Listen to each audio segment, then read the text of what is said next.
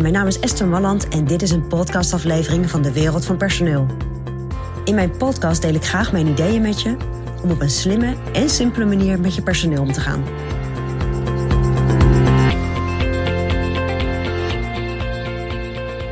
Ja, complimenten geven. Nou, hoe vaak heb jij niet gehoord, ook van mij, dat het belangrijk is?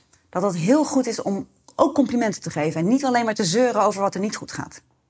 Maar laatst had ik, had ik een casus en ik zat met een leidinggevende en we hadden contact met, uh, met twee managers.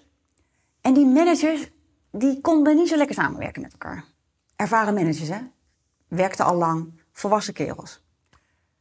Dus daar hadden we een soort van trajectje mee afgesproken waarbij ze de samenwerking zouden zoeken. En dat had goed uitgepakt. Ze waren daadwerkelijk inderdaad beter gaan samenwerken, waren daar echt ook allebei blij om, hadden elkaar meer gevonden, hadden beter geluisterd.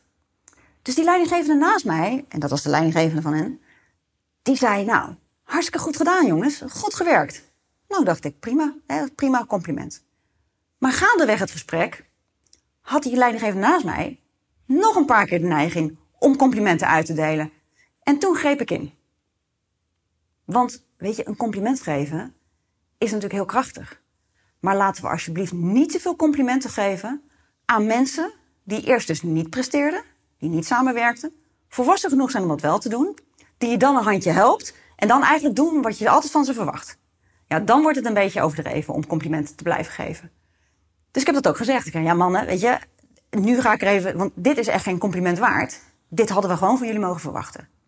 Dus ja, goed dat je eraan gewerkt hebt. Mooi uitgesproken, maar we gaan het niet overdrijven. En dat is met complimenten. Weet je, wees niet te blij als iemand gewoon goed gaat presteren. Eigenlijk zoals je het verwacht had. Tuurlijk zeg, hé, hey, mooi, goede stap. Maar niet te vaak en niet te veel. Het is gewoon logisch. Van bepaalde mensen op bepaalde functies mag je gewoon verwachten dat ze op een bepaald niveau presteren. En als ze dan die stap zetten, prima. Maar dan gaan we ze niet enorm uh, applaus geven. Want dat is ook weer een beetje raar.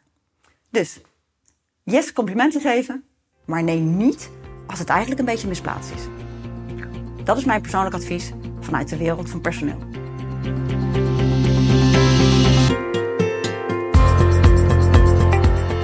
Ontwikkelingen in de wereld van personeel blijven volgen? Abonneer je dan op ons podcastkanaal. Ook op onze website vind je allerlei slimme ideeën en adviezen. Dus kijk even rond op www.dewereldvanpersoneel.nl.